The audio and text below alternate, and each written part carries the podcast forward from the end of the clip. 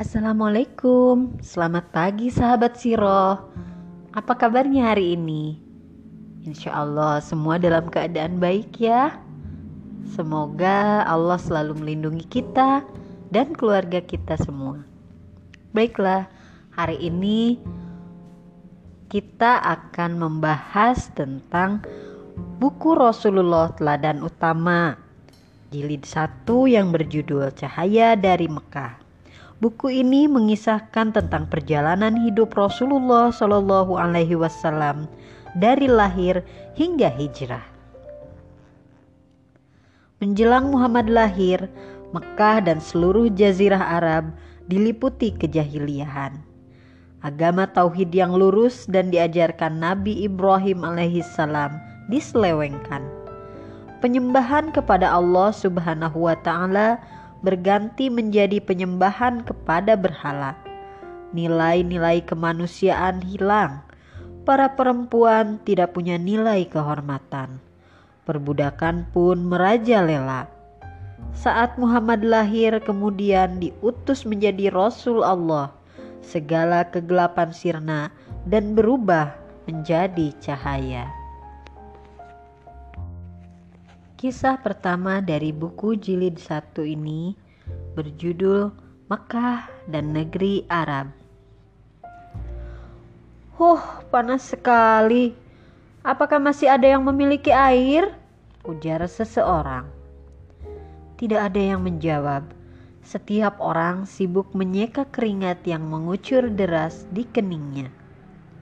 Apakah masih ada yang memiliki air? Orang itu mengulangi pertanyaannya.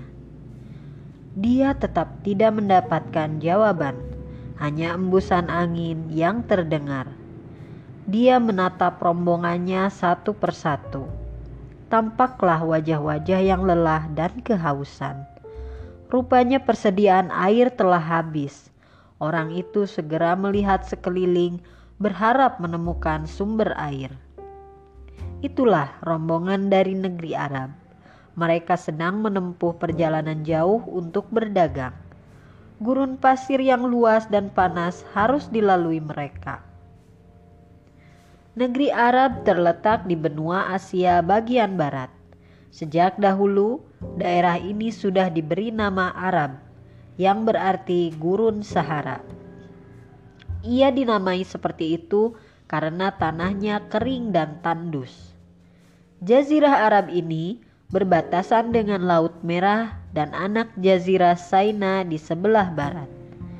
Di sebelah timurnya terletak Teluk Arab dan Irak bagian selatan. Laut Arab membentang di selatan. Di utara berbatasan dengan Syam dan sebagian Irak. Luas negeri Arab mencapai 1.300.000 mil persegi. Wilayah Arab meliputi Hijaz, Nejd, Yamamah, Tihamah, Oman, dan Yaman. Hijaz adalah dataran tandus di antara dataran tinggi Nejd dan daerah pesisir Tihamah. Di Hijaz inilah terletak kota Taif serta kota suci Mekah dan Madinah wilayah Hijaz tidak pernah dijajah.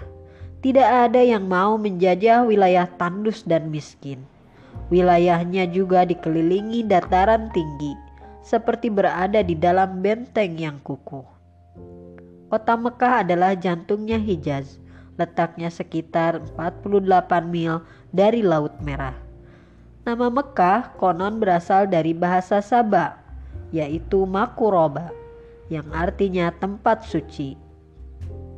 Mekah juga sejak dahulu menjadi tempat persinggahan kafilah dagang dari Yaman menuju Syam atau sebaliknya. Setiap tahun tanggal 1 sampai 10 Zulhijjah di Mekah diadakan festival Ukaz.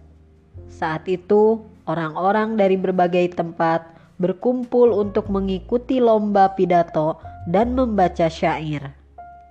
Oleh karena itulah Mekah menjadi kota tempat pertukaran budaya, perdagangan, agama dan seni.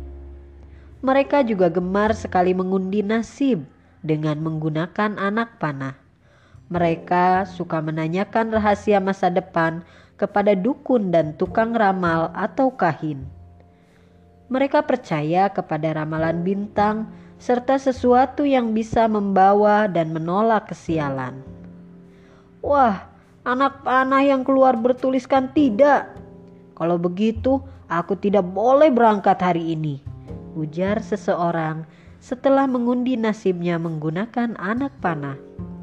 Ya betul, kalau kamu tetap berangkat, kamu akan celaka nanti, ujar temannya yang menyaksikan pengundian itu. Masyarakat Arab sebenarnya percaya adanya Allah Subhanahu wa Ta'ala, namun banyak yang menempuh cara salah. Ada yang menyembah berhala, kuburan nenek moyang, matahari, bulan, serta pohon besar. Berhala itu diberi nama.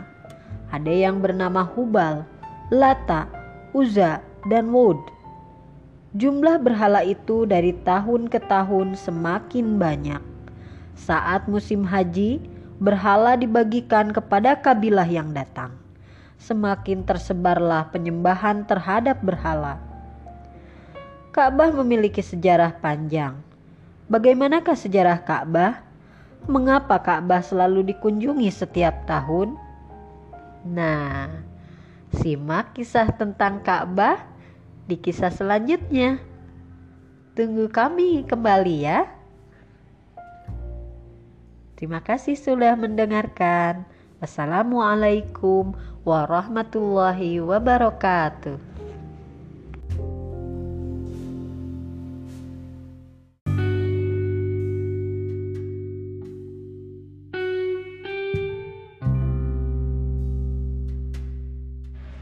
Assalamualaikum sahabat Siro semua Semoga sehat selalu ya hari ini Hari ini Ibu akan membacakan kisah dari buku Cahaya dari Mekah Rasulullah Teladan Utama Jilid 1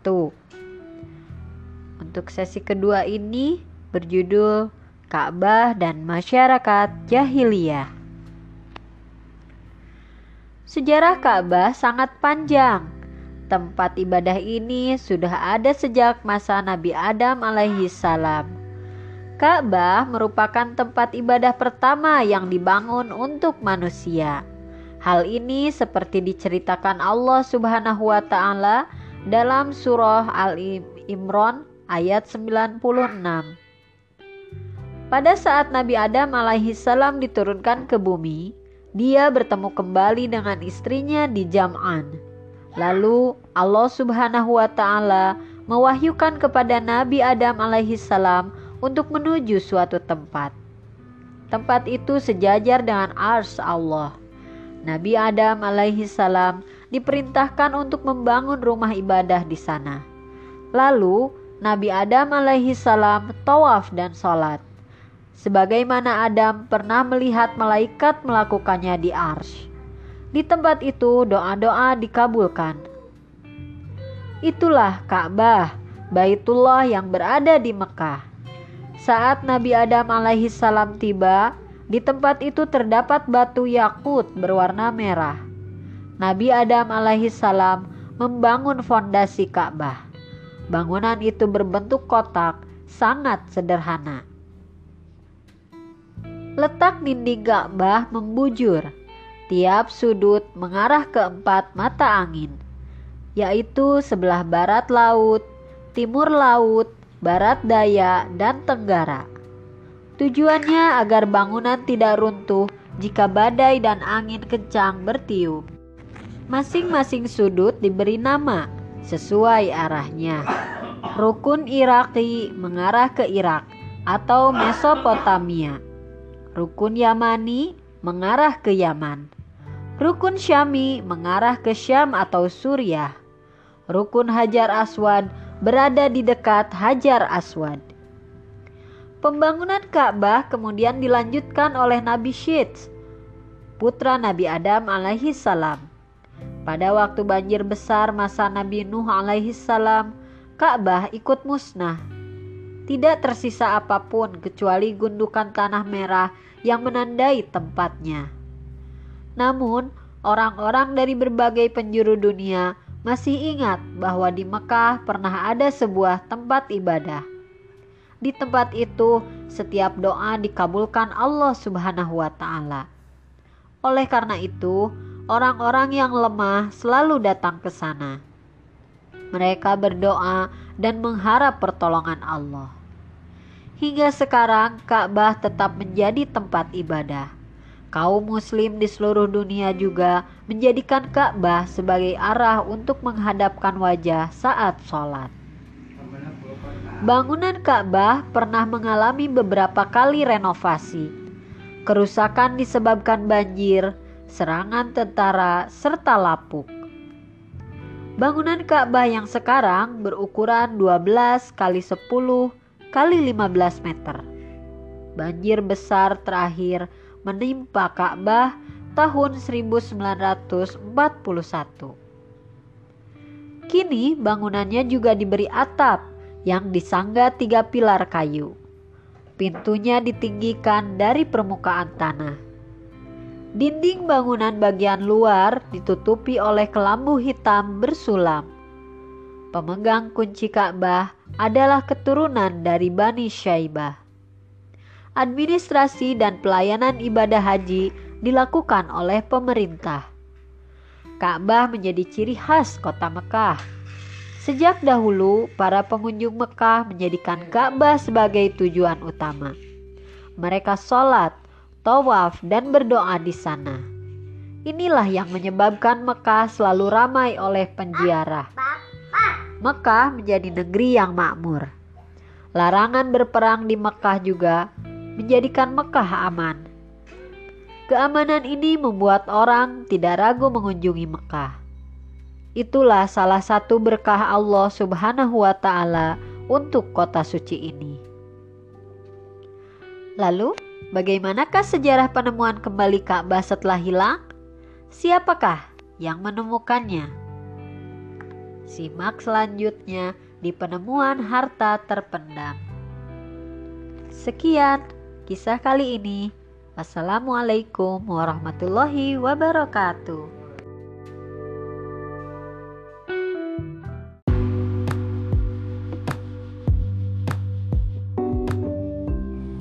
Bismillahirrahmanirrahim. Penemuan harta terpendam. Saat Ismail dan ibunya yang bernama Hajar tinggal di Mekah, Ka'bah sudah tidak ada karena tersapu banjir. Meski tidak tahu lokasinya secara tepat, orang-orang dari berbagai tempat tetap datang ke sana untuk berdoa. Suatu hari, Nabi Ibrahim alaihissalam diperintah Allah Subhanahu wa taala untuk membangun Ka'bah kembali. Bergegas, dia menuju Mekah ditemuinya Ismail yang sedang meruncingkan anak panah di samping rumah dekat sumur Zam-Zam. Assalamualaikum Ismail, ucap Nabi Ibrahim alaihissalam sambil tersenyum. Waalaikumsalam ayah, balas Ismail. Mereka bersalaman dan berpelukan erat melepas rindu. Setelah saling bertanya kabar, Nabi Ibrahim alaihissalam berkata, "Wahai Ismail, Allah memerintahkanku untuk membangun Baitullah. Laksanakanlah perintah Robmu, ayah. Aku akan membantu ayah dalam urusan yang agung ini." Maka mulailah keduanya bekerja membangun Ka'bah berdasarkan petunjuk Allah di atas bukit kecil berwarna merah mereka membuat fondasi. Ismail mengangkut batu dari Bukit Hiro dan Kubais. Nabi Ibrahim alaihissalam mendirikan bangunannya. Panas matahari membuat keringat bercucuran. Tangan Ismail pun terluka. Perih, haus, dan lelah jadi satu. Bangunan semakin tinggi Lalu Nabi Ibrahim alaihissalam berdiri di atas batu lembab hingga telapak kakinya tercetak. Selama membangun Ka'bah, mereka berdoa, "Ya Tuhan kami, terimalah amal dari kami. Sungguh, Engkaulah yang Maha Mendengar, Maha Mengetahui." Quran Surat Al-Baqarah ayat 127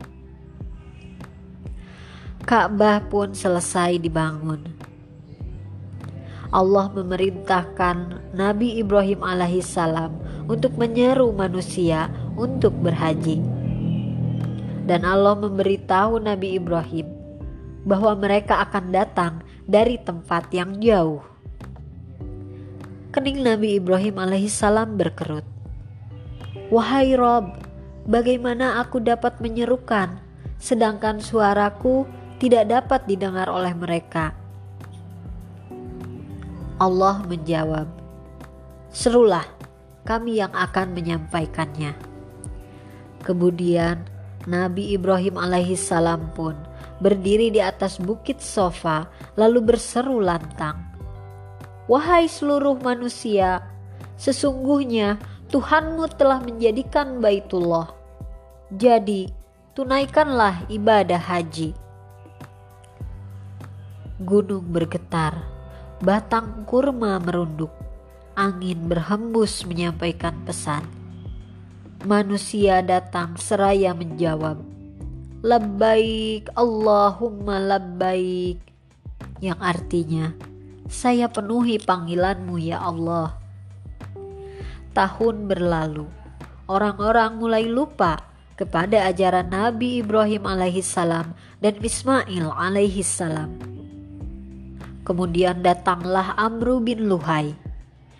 Dia adalah pemimpin Bani Khuzo'ah. Dia disegani dan disukai banyak orang. Ketika pergi ke Syam, dia melihat penduduk di sana menyembah patung. Penduduk Syam memberikan sebuah berhala bernama Hubal.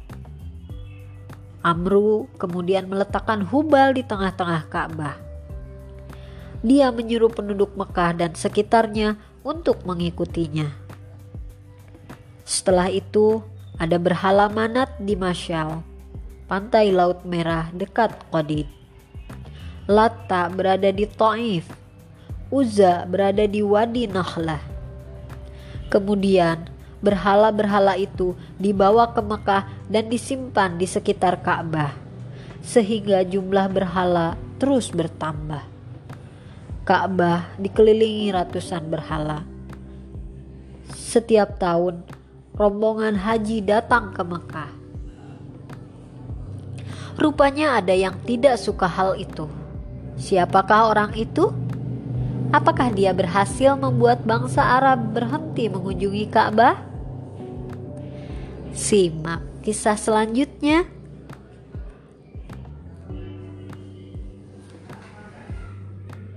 Hanya di channel ini.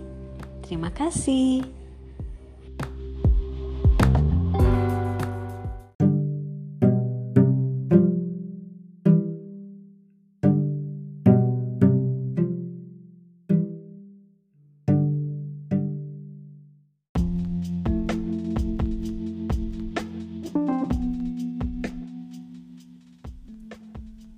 Ambroha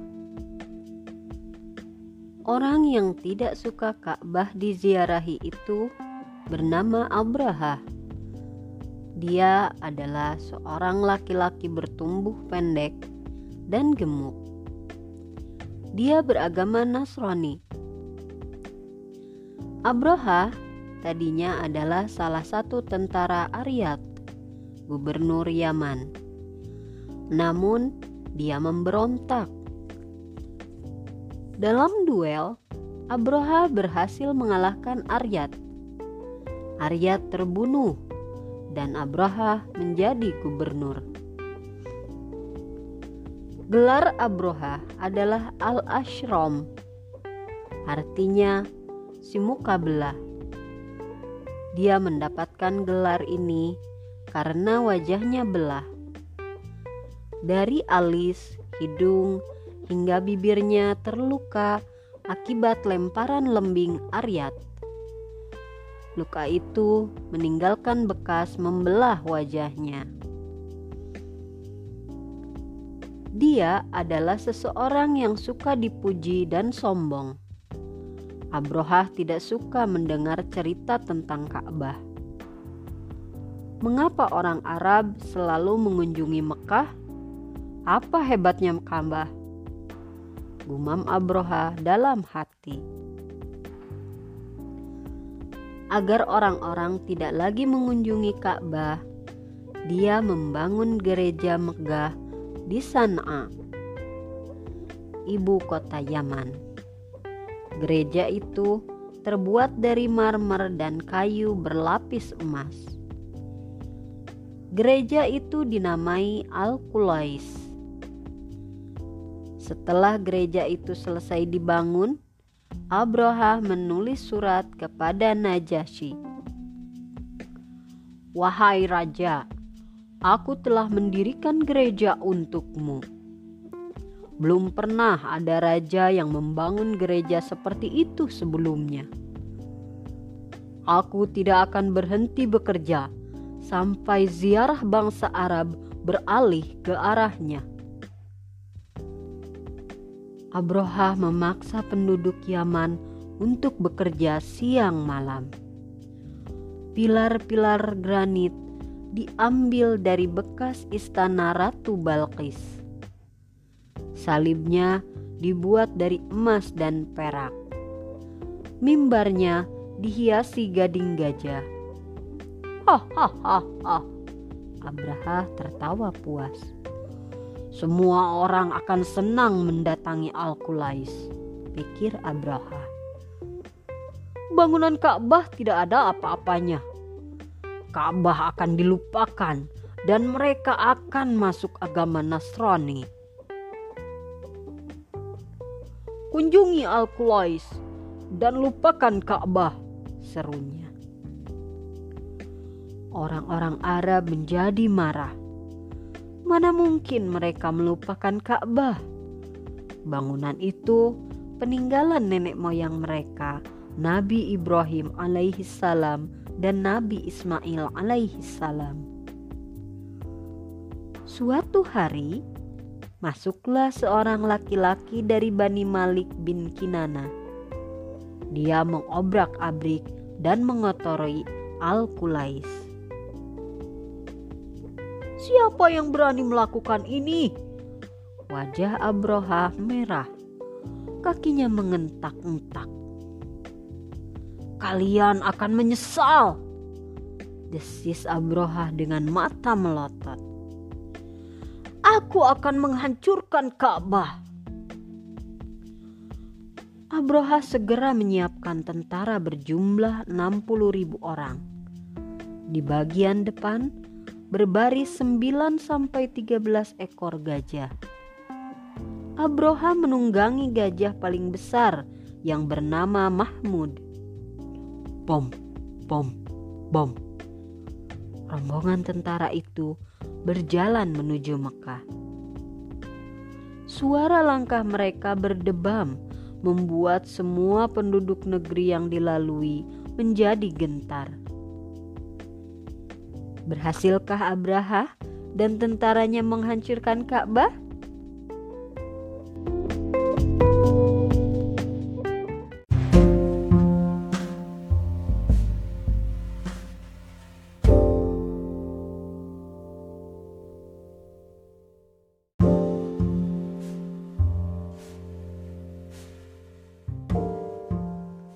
tidak boleh sombong. Harisah bin Wahab al-Khuzai meriwayatkan bahwa Rasulullah Shallallahu Alaihi Wasallam bersabda, Maukah kamu aku beritahu tentang penduduk neraka? Mereka semua adalah orang-orang keras, lagi kasar, tamak lagi rakus, dan takabur atau sombong. Hadis riwayat Bukhari dan Muslim.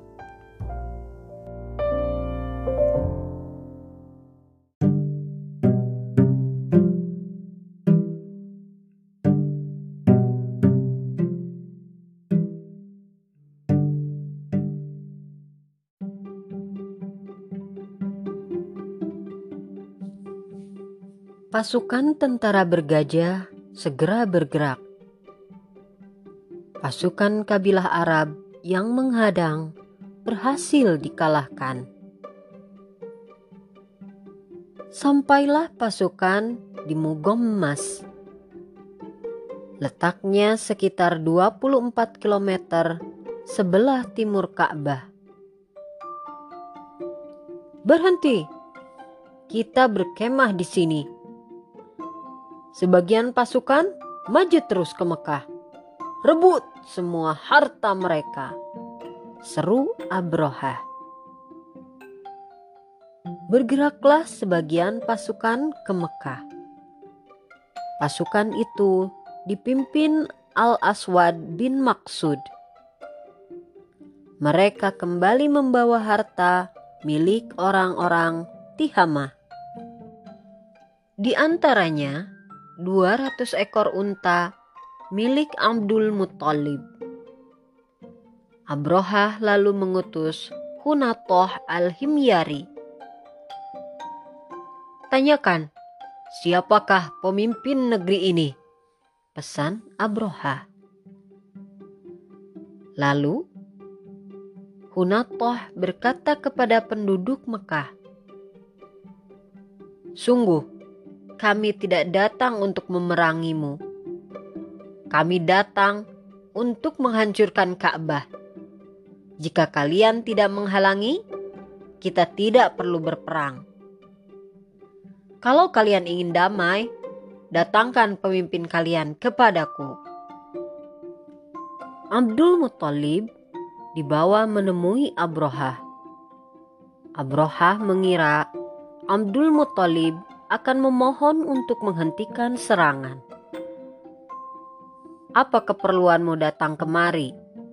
Tanya Abrohah congkak. Kembalikan 200 ekor unta milikku, ujar Abdul Muttalib tenang. Apa? Abrohah terbelalak. Mengapa kau lebih mengkhawatirkan untamu? Padahal kami datang ke sini untuk menghancurkan Ka'bah. Unta-unta itu milikku, sedangkan Ka'bah milik Allah. Allah lah yang akan melindunginya. Jawab Abdul Muttalib. Hahaha, tidak mungkin Tuhanmu memberikan perlindungan dari seranganku, kata Abroha. Terserah padamu, jawab Abdul Muttalib. Abroha mengembalikan unta dengan wajah geram sekaligus heran. Kemudian Abdul Muttalib berpesan, Hai kaumku, tinggalkanlah Mekah, berlindunglah ke bukit.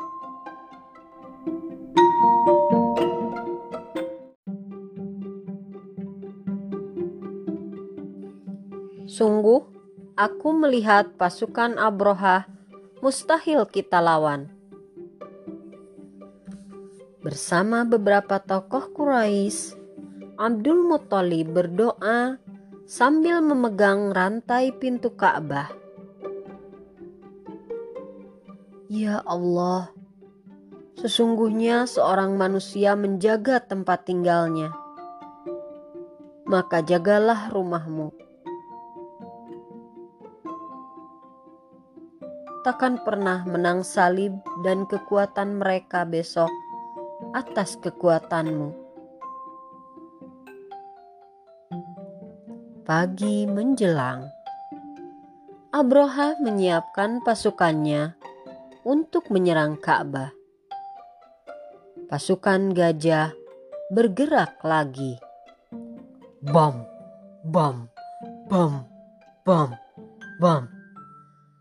Mereka sampai di lembah Muhasir di antara Musdalifah dan Mina. Tiba-tiba gajah tidak mau bergerak. Ketika diarahkan ke tempat lain, gajah bergerak cepat. Namun, ketika diarahkan ke Mekah, hewan besar itu diam.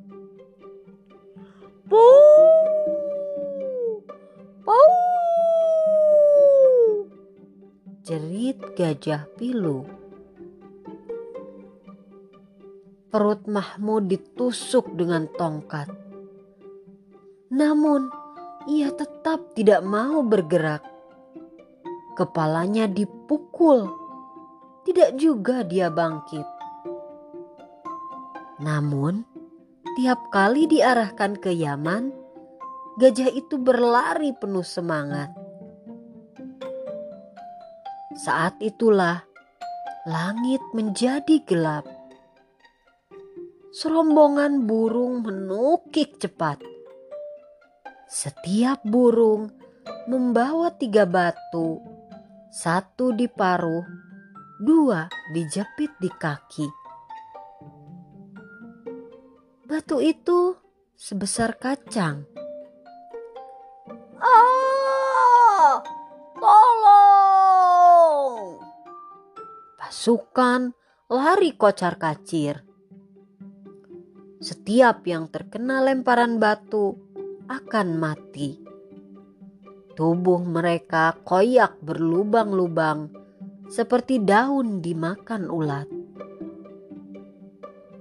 Abroha berusaha kabur, namun tidak ada yang luput dari lemparan burung. Dia terus berjalan dengan tubuh yang koyak. Sebelum sampai di San'a, dia tewas.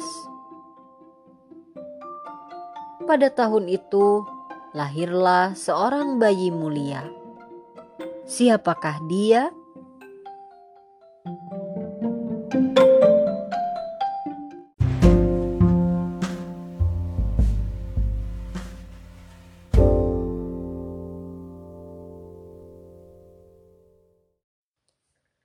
Azab untuk pasukan bergajah. Tidakkah engkau Muhammad perhatikan bagaimana Tuhanmu telah bertindak terhadap pasukan bergajah? Bukankah dia telah menjadikan tipu daya mereka itu sia-sia?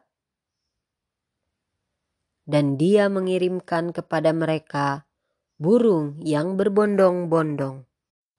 Quran Surah Al-Fil 105 ayat 1 sampai 3